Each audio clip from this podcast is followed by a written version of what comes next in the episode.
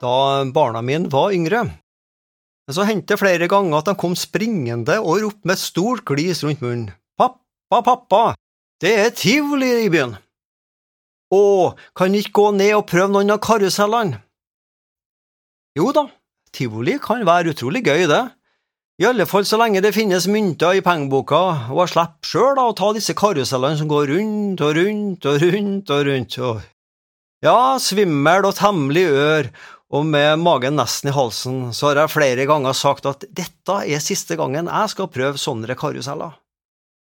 Vel, det er bare å hvile noen år før en ny tivolirunde kommer, kanskje med barnebarn.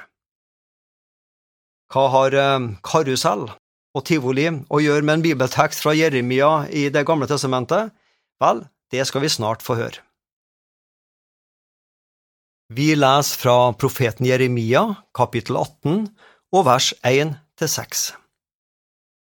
Dette er det ordet som kom til Jeremia fra Herren. Stå opp og gå ned til pottemakerens hus. Der vil jeg la deg høre mine ord. Jeg gikk da ned til pottemakerens hus, og se, han gjorde sitt arbeid på dreieskiven. Og det karet som han gjorde av leire, ble mislykket i pottemakerens hånd. Da gjorde han det om igjen til et annet kar, slik han ville ha det. Og Herrens ord kom til meg, og det lød så. Skulle ikke jeg kunne gjøre med dere, Israels hus, som denne pottemakeren, sier Herren. Se, som leiren er i pottemakerens hånd, slik er dere i min hånd, Israels hus. Pottemakeren har funnet leira han skal bruke. Han har knadd og bearbeida leira og plassert den midt på dreieskiva. Slik har Gud søkt, og søker fortsatt, syndere som han vil arbeide med. For at Gud skal kunne forme meg, så må han plassere meg midt i sentrum på sin dreieskive. Og midt i sentrum, der finner vi Jesu kors. Likheten mellom en pottemakers dreieskive og en karusell er at begge gjenstandene er underlagt en kraft som kalles sentrifugalkrafta. Vi kjenner uttrykket fra vaskemaskiner. Etter at klærne er vaska, så starter sentrifugen.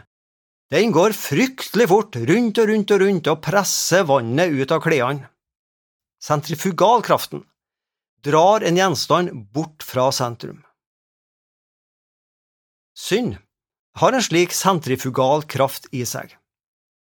For synd er ikke bare det gale jeg kan gjøre, og hvis jeg lyver eller stjeler eller baktaler. Nei, synd er også en kraft som drar meg bort ifra Jesus. Synd er egentlig alt som tar oppmerksomheten og fokuset bort fra Jesus, korset, nåden og tilgivelse. Mange mennesker i vårt land kan fortelle om gleden og tryggheten de opplevde i barneåra, i kristent barnearbeid og troa på Jesus. Men eh, med åra så vokste fristelsene, og ja, man opplevde å bli dratt bort fra den tryggheten troa gir. Så sakte, men sikkert så ble gleden i livet plassert andre steder enn hos Jesus. Du skal ikke ha andre guder enn meg, heter det i det første budet. En gud, hva er det? Jo, en gud, det er det som betyr mest i livet for meg og deg. Penger, karriere, jobb, hus, heim, andre mennesker eller andre ting. Alt som tar oppmerksomheten bort fra Gud, har blitt vår Gud. Bibelen omtaler mange synder. Kanskje kan vi si at de tre mest omtalte i Bibelen alle begynner med bokstaven H. Hor, havesyke og hovmot.